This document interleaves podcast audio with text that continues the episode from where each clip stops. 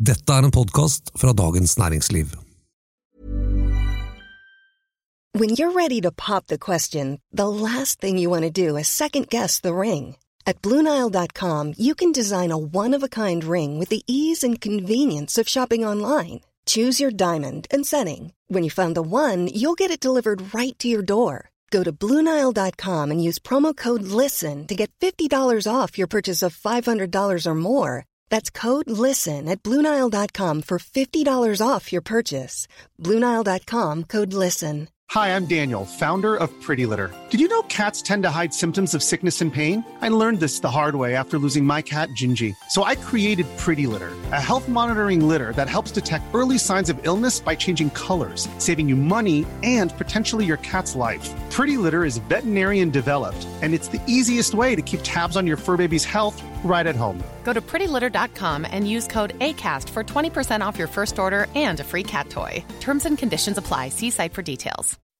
When you make decisions for your company, you look for the no brainers. If you have a lot of mailing to do, stamps.com is the ultimate no brainer. Use the stamps.com mobile app to mail everything you need to keep your business running with up to 89% off USPS and UPS. Make the same no-brainer decision as over 1 million other businesses with stamps.com. Use code program for a special offer. That's stamps.com, code program. Nå er det Jonas sin tur. Om han er en vanlig mann, eh, det er et mer åpent spørsmål. Og Senterpartiet dominerer totalt i norsk politikk.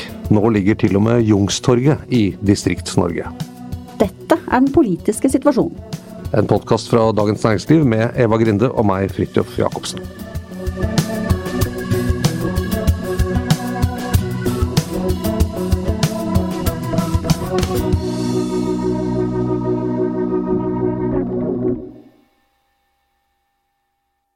Aller først, i dag så skal vi høre litt på dette her.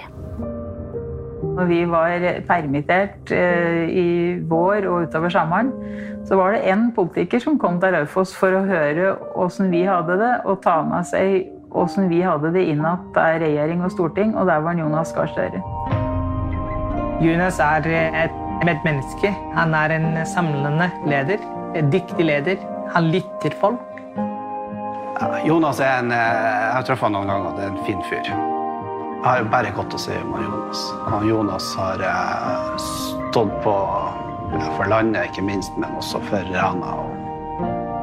Det som er viktig for meg, er, er ikke om han har mye eller lite penger i banken. Det handler om hva han står for.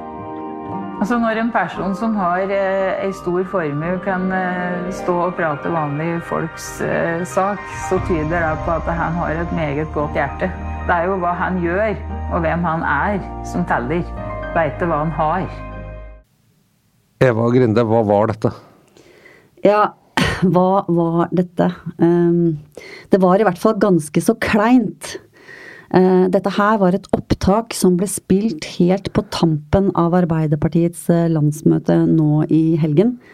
Og det var jo da et uh, knippe reale, ærlige arbeidsfolk som erklærte sin kjærlighet til partileder Jonas Gahr Støre. Dette skjedde under landsmøtet som var da helgen, som du fulgte. Hvor omtrent til landsmøtet var det dette foregikk? Var det Nei, dette var på slutten. Dette var på en måte finale og grand finale. Det var lørdagen når Jonas Gahr Støre skulle summere opp og, og takke av, da.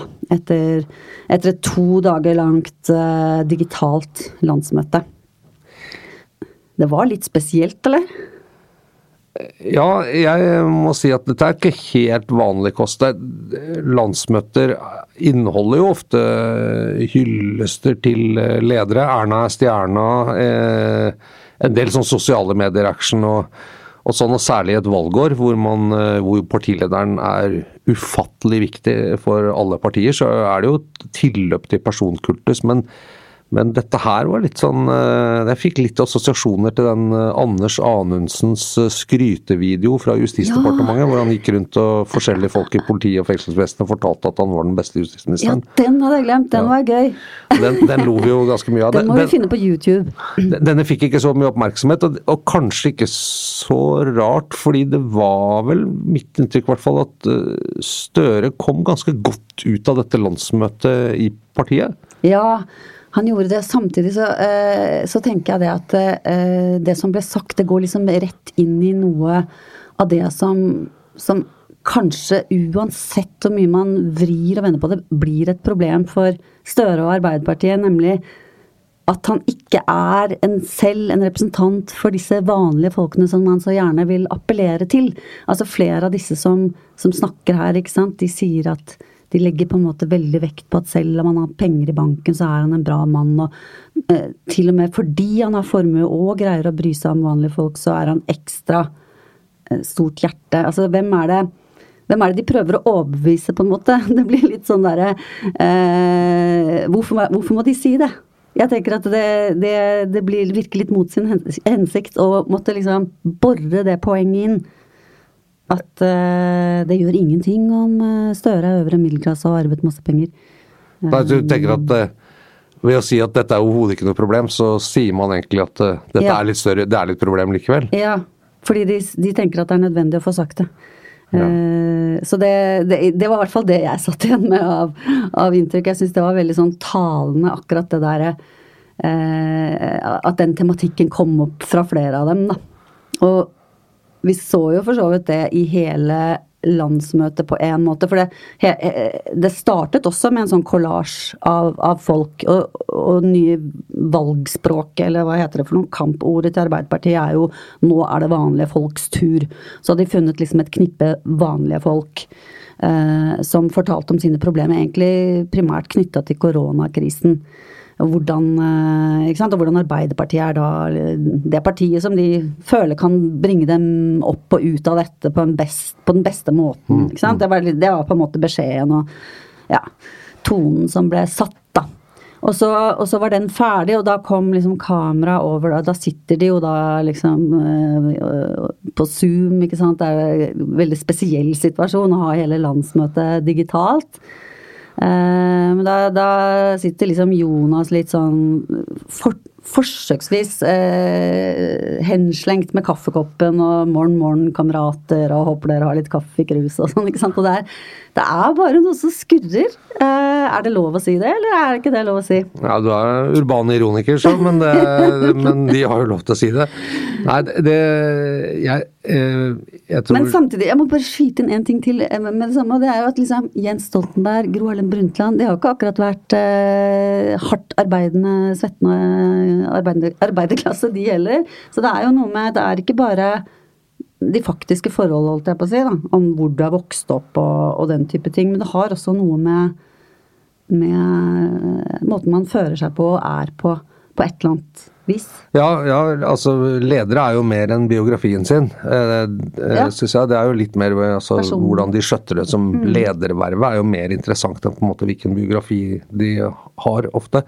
Erna Solberg er jo ikke noe typisk eh, Høyre-leder eh, på den måten heller. ikke sant? Har en litt annen bakgrunn enn mange der osv. Man kan finne mange eksempler på det, men, eh, men det jeg syns er litt eh, Eh, det, det, det er jo sånn at det det å eh, være til for vanlige folk, eller liksom de, de vanlige mennesker, da, eh, befolkningen, hva man skal si, det, det blir jo veldig ofte dratt frem i valgår, naturlig nok. Det er, det er jo det altså eller det å være representativ eh, for et bredt lag av Norges befolkning er selvfølgelig noe som eh, også Høyre var, sant, var veldig opptatt av det, at de var partiet for langt flere mennesker, ikke milliarder. Vi var partiet for mange flere enn det mange kanskje trodde.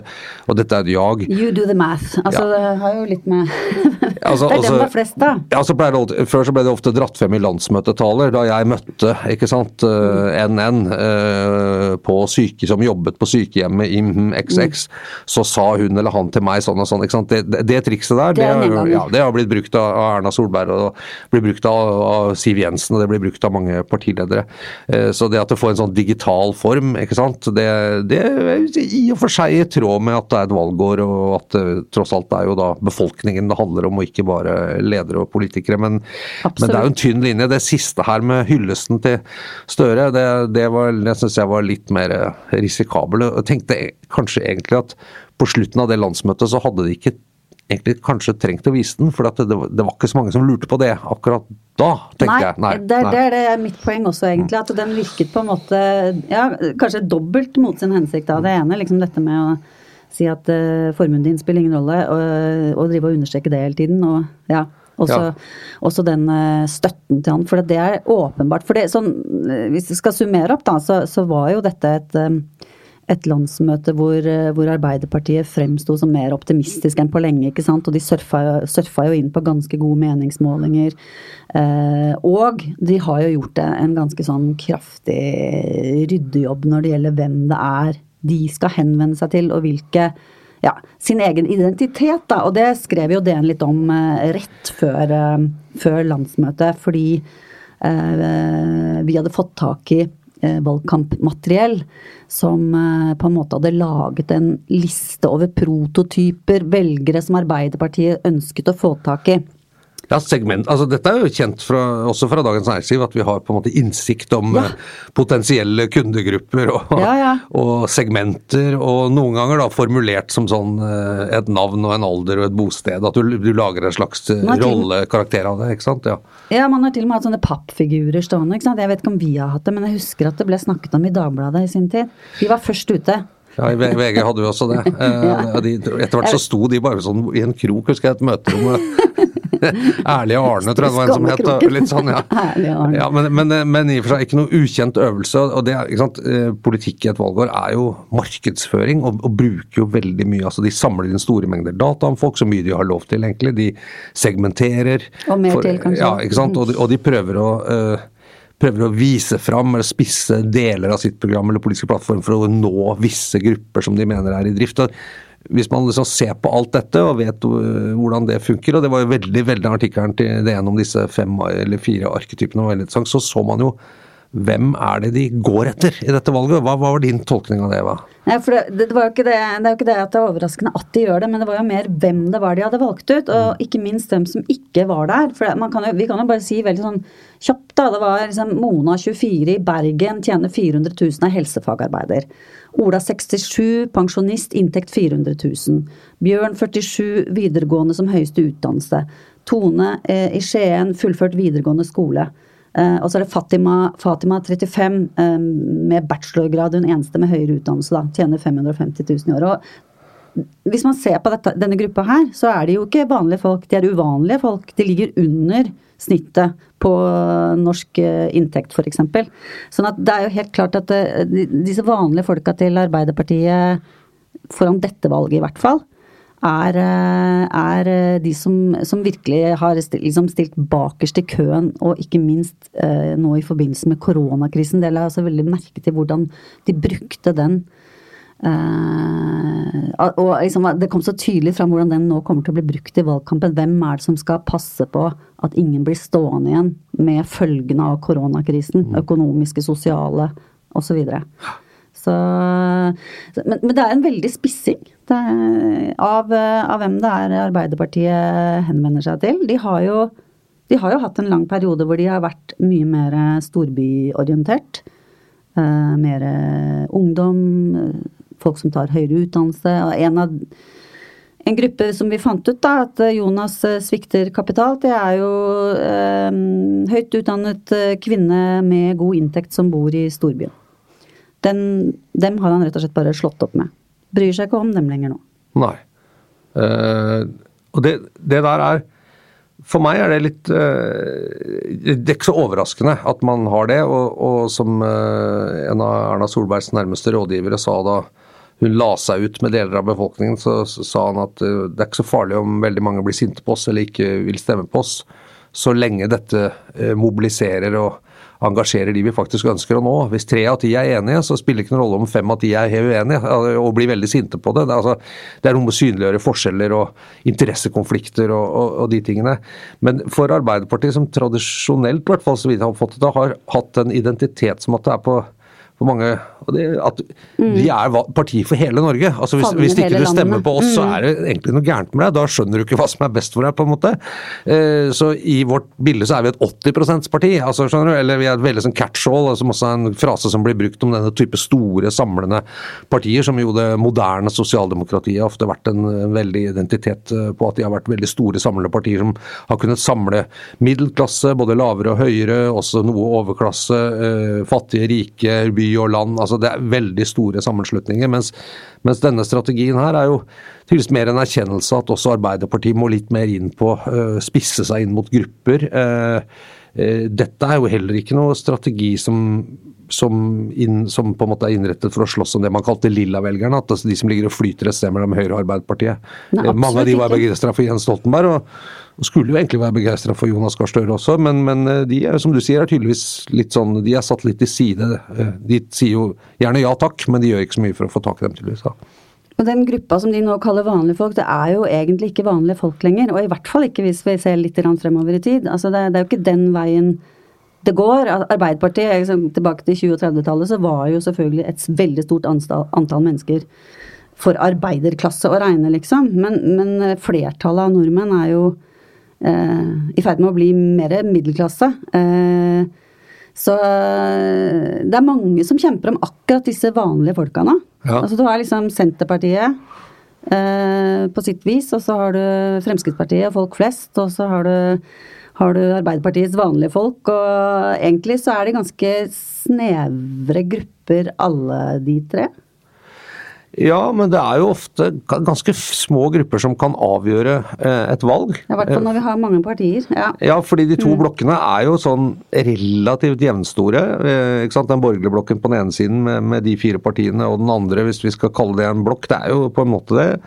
Eh, og vi har vel egentlig bare to realistiske statsministerkandidater, og det er jo Erna Solberg og Jonas Gahr Støre, sånn som det ser ut nå, for, for hver sin blokk. Litt sånn uvisst hvordan de interne sammensetningene sånn skal bli der. men men, men eh, det som jeg har sett, er jo at en av grunnene eh, som gjør at det som var et veldig stort borgerlig flertall for den borgerlige blokken i 2013, ble litt lavere i 2017, men nå ser ut som et eh, hva skal man si, ikke-borgerlig flertall, er jo at velgere har flyttet seg, en bestemt gruppe fra spesielt fra Frp, men også litt fra Høyre, og over til Senterpartiet. Så har Senterpartiet også tatt velgere fra Arbeiderpartiet, men med en sånn blokktankegang så er ikke det så farlig, så lenge de blir på rett side av mm. streken. Det er som Høyre og Frp som slåss om en del av de samme velgerne, men så lenge de liksom blir der. Men nå har de gått over til Senterpartiet. og Det, det, det er sånn Senterpartiets fremgang og møysommelige og, og veldig strategisk gode jobb med å bli et foretrukket alternativ for stadig nye grupper, utover det som var kjernegruppene. Eh, syns jeg nå eh, er det som definerer hele denne litt lengre valgkampen og kampen om velgerne i 2021. Det er den gruppa man slåss om. Ja, og, for, og det er liksom ikke egentlig primært det mest interessante nå at Arbeiderpartiet går etter de eh, få tilbake de fra Senterpartiet. For før det så var det jo en prosess hvor Senterpartiet tok dem fra Arbeiderpartiet. ikke sant? Så det var jo den utvidelsen av Senterpartiet som kanskje gikk litt under radaren til Arbeiderpartiet en periode. ikke sant? Hvor de ikke skjønte helt hvor stor den utfordringen var f.eks. i Nord-Norge, hvor du hadde skikkelig landefall. Eh, med overgang fra, fra, fra, Arbeiderpartiet til Senterpartiet. Mm. Så, så nå, er det, nå, er det, snakk om å prøve å få dem tilbake. Og så tenker jeg fordi uh, fordi at det gjør ikke så mye om de fremmedgjør folk på venstresiden i sitt parti. Altså Hvis de skulle gå til SV, så er det noe av det samme som du snakker mm. om. Det med at det er ikke så farlig for blokken. Uh, sånn at, uh, sånn at Mens senterpartister kan gå til Frp, ikke sant. Og det er ikke bra. De må heller gå til Arbeiderpartiet igjen. Nei, også har det vært overraskende for mange, men jeg, jeg, tror hvis man skal, etter å ha fått det litt på avstand og sett liksom det landsmøtet som jeg tror var litt sånn oh, ok, er de der? Ja mm. vel. altså De sier farvel til høyt utdannede kvinner i byene f.eks., som jo tradisjonelt eh, Arbeiderpartiet har jo alltid hatt eh, ganske godt grep om kvinner. Liksom, Arbeiderpartiet har hatt større andel kvinner blant sine velgere enn det høyrepartiene har hatt. Eh, og særlig liksom, høy, høyt utdanna kvinner i offentlig sektor eh, har jo vært eh, en ganske viktig velgergruppe for dem. Men, men det å, særlig det på utdanning og sånn, og, og også i og for seg litt farvel til byene, som jo tradisjonelt, altså arbeiderbevegelsen Tradisjonelt sånn altså, arbeidere. Etter hvert så var det jo en fusjon på en måte med småkårsfolk også på bygda, men er jo byfenomen mye. ikke sant? Youngstorget fullt av arbeidere. Det, det, kommer derfra. Gerhardsen var fra Oslo, eh, fra arbeiderklassen. Så det, så det systemet, men det, men det er Når de går inn i en sånn valgkamp med målinger helt ned på 20 og noen ganger under 20, så tror jeg kanskje ikke det er så dumt å si at ok, vi må bare spisse noen, prøve å få tak i en gruppe. Her tror vi vi har mulighet til å heve oss litt sånn raskt, sånn at vi får litt fart inn i valgkampen. At vi ikke sitter fast på en måte i dette her, for da blir det krevende. Så det, kan si, det er litt kynisk, men det er kanskje smart, da. Ja, kanskje det er smart på hvert fall, hvert fall på kort sikt, da, frem mot dette valget. Mm. Uh, men jeg tenker at det, eh, det er jo er det sånn at den type strategi nå kommer til å fremmedgjøre disse såkalte lilla-velgerne og øh, kanskje litt mer sånn radikalt orienterte unge AUF-ere som er opptatt av identitetspolitikk, antirasisme, ikke sant, og, og klimapolitikk og den type ting. Eh, eller er det et potensial for type solidaritet blant disse gruppene? Kommer de til å liksom ja, hva, hva, tror vi om det? Hvor lurt er det å, å appellere til eh, hva skal vi si, til de svake gruppene direkte, og til den dårlige samvittigheten hos, hos den andre delen av gruppa, da, hvis du skjønner hva jeg mener? Ja, det, altså, det, virker jo som om Erna Solberg spesielt, og hennes Høyre, som jo er veldig definert av, av hennes prosjekt, altså det er veldig lojalt rundt det, har et veldig, veldig godt grep eh, om det man kan kalle middelklassen, og det særlig den høyt utdannede delen. Altså I, i Nord-Norge, som du nevnte i sted f.eks., så er jo en oppsiktsvekkende ting med målingene der oppe er jo eh, at tross Senterpartiets voldsomme fremgang, så ligger Høyre relativt stabilt i mange av fylkene. så Det er ikke der de store bevegelsene har kommet. Eh, og Høyre ligger jo egentlig oppsiktsvekkende eh, godt an på målingene. Det er selvfølgelig en del sånn korona-kriseledelsesgevinst, men ellers også har de ligget sånn ganske stabilt rundt et eh, nivå som har vært ikke så langt unna det de hadde i valgene. Og det er liksom før valgkampen er kommet i gang. Så, så, så lenge hun er partileder, så ser det ut som de har ganske godt grep om den gruppa. de, altså, de liker henne og syns det det er orden og styring. Nå tenkte jeg litt mer på Arbeiderpartiet, altså ja, ja, men, så, internt der. Ja, ja det, og sant? men poenget er hvis, du, hvis det, hvis Erna taper valget nå, så er det vel sannsynlig at hun eh, kommer til å gå av som partileder på, på et eller annet tidspunkt. Så kanskje sikkert ikke på valgnatten, men relativt raskt. Og da eh, kan man jo få en får man jo kanskje en ny generasjon i Høyre, en ny orientering, et eller annet. Eh, og da kan jo partier ofte miste grepet om tradisjonelle velgergrupper. Det er jo også sånn som kan skje der, hvis ikke man klarer å holde det. For da er det litt sånn eh, hvem man velger som velger, leder, har jo, kan jo ofte liksom hvilken politikk blir da fremtredende, hva er det lederen opptatt av osv. Og, så og da kan det jo ligge muligheter, hvis de mister det grepet, for Arbeiderpartiet å liksom i neste runde gjenvinne eh, lilla-velgere, da, eller, eller, middelklasse, ah, hvis du skjønner. Sånn. Ja. var vi der. Eh, men nå ser det vanskelig ut. ja. Mm. Eh, de har jo prøvd, og de prøvde jo hardt i 2017 òg, men de lyktes jo ikke med det, da.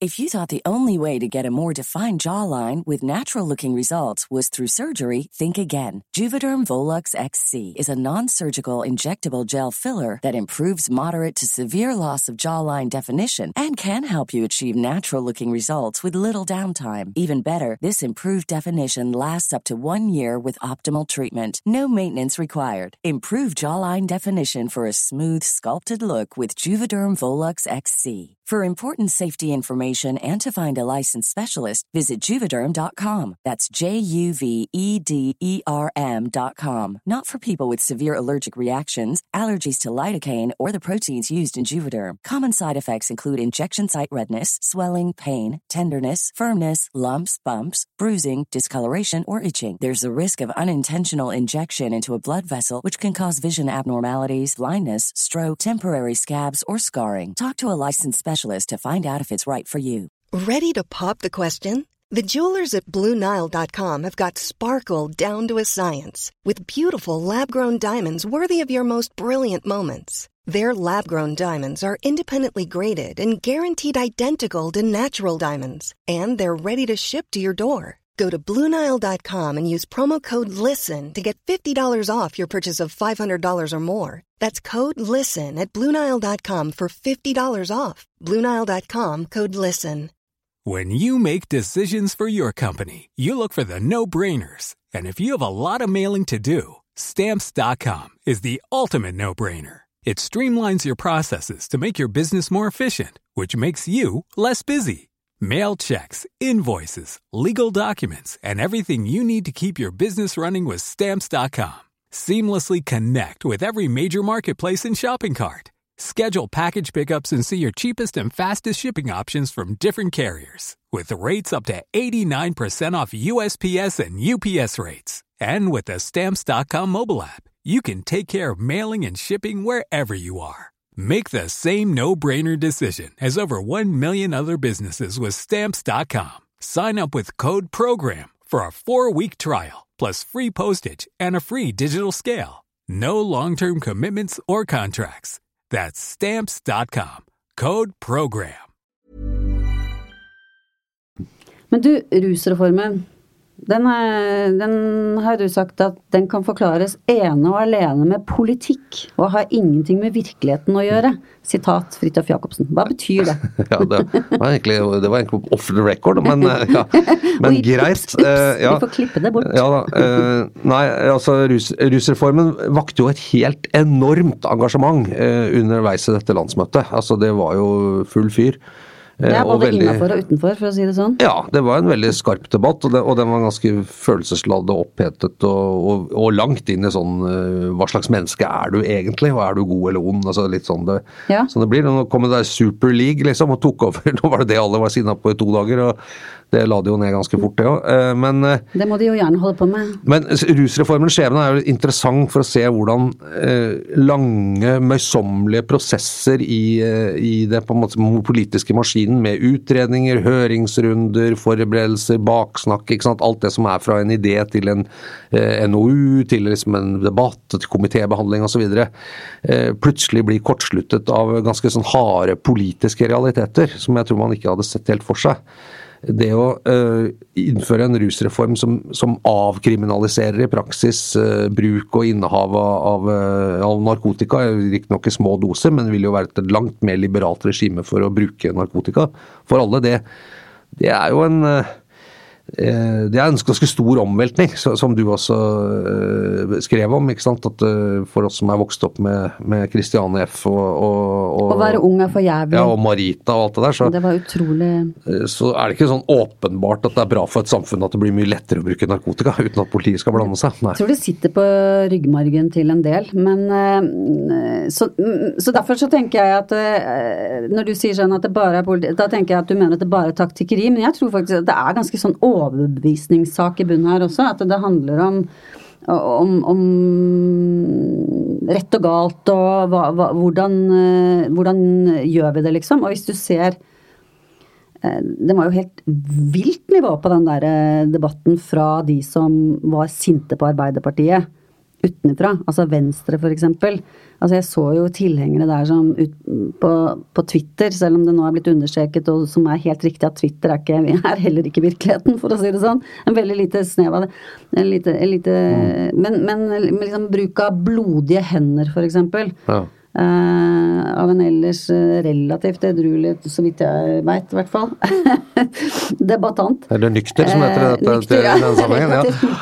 nykter, ja. Nei, uh, helt, helt, sånn um, og, og, og, bruk av veldig sånn Et virkemiddel som jo kan tenkes å, å virke veldig sterkt på Arbeiderpartiet, nemlig at det er usosialt. At dere ikke bryr dere om de som lider aller mest, altså de tungt narkomanene.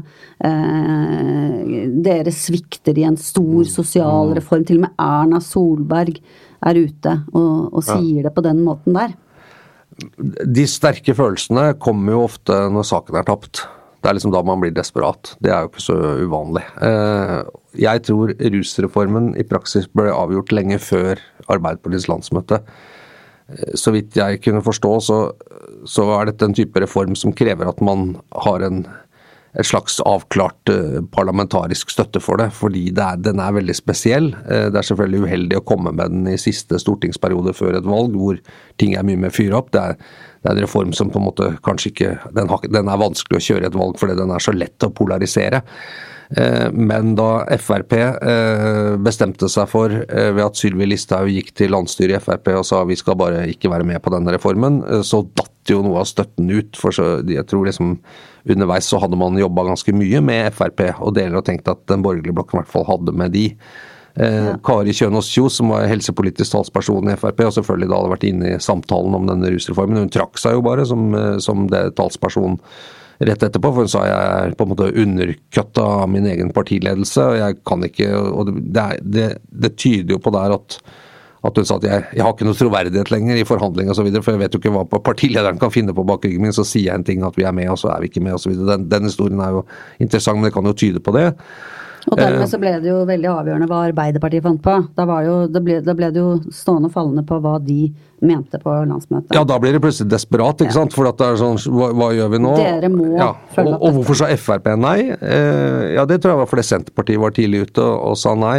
Frp og Senterpartiet, som vi snakket om i stad, slåss jo om mange av de samme velgerne. og og det å liksom gå inn i en valg hvor Senterpartiet kan hamre løs eh, på potensielle Frp-velgere og si at de stemmer for at det skal være lov å bruke narkotika, eh, den, ja. den, bare så man, tror jeg Sylvi Listhaug at det går ikke. Så Nei, da må vi bare jo, ta avstand. ikke sant? Det har jo også noe å gjøre med Frp-velgere. ikke sant? Altså, ja. Det er et lov og orden-parti. Jeg tipper at det er Jeg har ikke sett uh, tallene på det, men det, er vel ikke, det er vel ikke sånn overveldende flertall for fri, fri hasj, footloose, fancy free i Frp. Nei, den er, den er, litt vanskelig å selge. Det, det, går jo an, selvfølgelig. Eh, for det, det, er jo ganske mange der som er opptatt av rusomsorg og sånn osv. Og, ja. og, og resultatene av norsk narkotikapolitikk særlig fordi også, kanskje er det igjen. Ja, særlig fordi, ja, for de tyngste misbrukeren. Det er bare å mm. gå ut uh, i Oslo, så ser man jo uh, hvilke forhold de lever under med den politikken vi har hatt til nå. Så, men så, og da, Med de to partiene da over, og Arbeiderpartiet inn der, så er det ganske lett å fyre opp også den kan du si, den mer tradisjonelle delen av Arbeiderpartiet. Si at liksom, skal vi være det partiet som redder liksom, denne rusreformen for regjeringen på den måten? Nei. Altså, liksom du tror det er et, et, vektig argument at de ville ødelegge for regjeringen? De ville ikke være med å hjelpe regjeringen med deres forslag? Nei, for det er jo ikke så, er ikke så mye å tjene på det, politisk heller. Jeg tror også at de syns det At mange mente oppriktig at det var et for eh, mangelfullt forslag som lå på bordet. Altså det var ikke nok detaljer uh, på hvordan dette skulle gjennomføres i praksis. Altså det var Den store endringen var jo en lovendring, ikke sant. Fra, fra straff til helsehjelp, altså bare for å si det veldig enkelt endring av loven. Det er det som ligger på bordet. Men så er spørsmålet liksom hva slags Hva trenger f.eks. kommunene da, for å følge opp eh, med den ikke-strafferettslige hjelpen de nå skal gi isteden? Mm. Og det er liksom Det er foreløpig helt i det blå, ikke sant. Så det, jeg syns jo det for så vidt er et et relativt bra argument, politisk eller sånn innholdsmessig argument da, fra Jo, det er jeg enig i, men det, det, fantes jo måter å lande et vedtak på som åpnet f.eks. For, for videre arbeid. Og, altså, vi, vi, kan ikke liksom godta den slik den akkurat ligger nå, men mm. vi, liksom, vi, vi, ideen er vi enige om at mm. krim straff ikke er veien å gå osv. Det er jo signaler som Arbeiderpartiet har kommet med før. Dette eh, Debatten om straff, ikke straff og avkriminalisering er jo ikke ny. det Stoltenberg-utvalget med Thorvald Stoltenberg var jo inne på det, og Jonas Gahr Støre har jo uttalt seg, og andre også også Arbeiderpartiet i den retning før, at det kunne man må prøve noe nytt. Men, men jeg, jeg, følte at debatten ble mye mer sånn polarisert enn det. Det var sånn, Skal det være lov å bruke narkotika, eller, eller tror vi at det er lurt at det ikke er lov å bruke? Så, så det, det, ble veldig, det, ble veldig, mye politikk i den, da.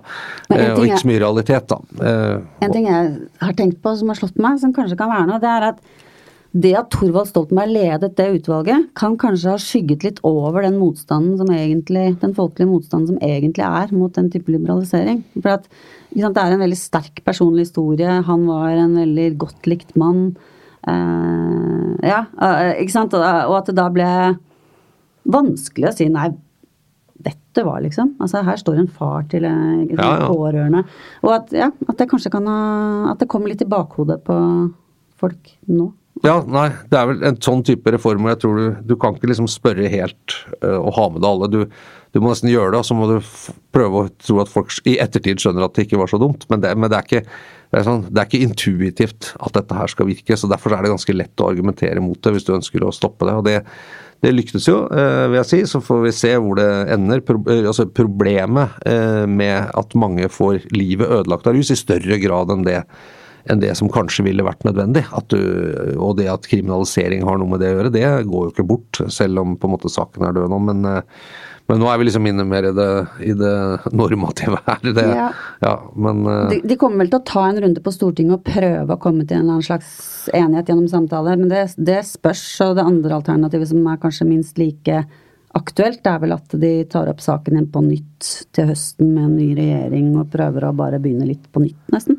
Ja, så er det spørs hvor lett det er å ha en på en måte fri og åpen og saklig debatt om dette så kort tid etter det. Men jeg, jeg tror, hvis jeg skal komme med en spådom som er farlig, så tror jeg at akkurat dette at det er Senterpartiet som setter en slags benchmark for hva som er vanlige folks politikk, og hva som er liksom sunn fornuft og sånn på den siden, eh, som de var tidlig utgjorde i denne saken, det tror jeg ikke er siste gang vi har sett. Og, dermed så ser man at Senterpartiet Eh, nå eh, fordi pga. den medgangen, og fordi eh, kampen om deres velgere blir så sentral, eller deres nye velgere, for å si det sånn, i, i valget, og egentlig kan avgjøre hele valget, så, så tror jeg at de, hvis de er tidlig ute, på en måte kan kan sette sånne benchmarks og politikere er som alle andre partier må forholde seg til, og som av og til tvinger frem eh, standpunkter eh, hvor det på en måte er veldig vanskelig å være uenig med dem, for, i frykt for at man da ikke har sjans på å få tilbake noen av de velgerne de har tatt, enten det er fra Frp eller Han bare slår fast at det er høl i huet, rett og slett, så da er det ikke noe mer å si. Jeg tror det var rett og slett de ordene han brukte om rusreformen. Ja, ikke sant. Og Enkelt og greit. Ja, det, det, enkle er ofte det beste. Og da har han jo, ikke sant, eh, i takt med, altså uten at det på en måte er at han har vunnet valg, så har han allerede en ganske stor politisk innflytelse. Jeg mener vi så det demonstrert uh, egentlig veldig mye av det vi har snakket om på Arbeiderpartiets landsmøte, hvordan Senterpartiet uh, kaster skygger, ville noen si. Andre kan si inspirerer, eller i hvert fall definerer, tror jeg, liksom den politiske situasjonen eh, nå i i denne våren her, og kommer helt sikkert til å gjøre det eh, også inntil valget. Veldig elegant avslutning fra meg. Det var det, det var det. Eva Grinde og Fridtjof Jacobsen takker eh, for denne utgaven av Den politiske situasjonen. Vår produsent heter Oskar Bremer, eh, og vi er tilbake neste uke.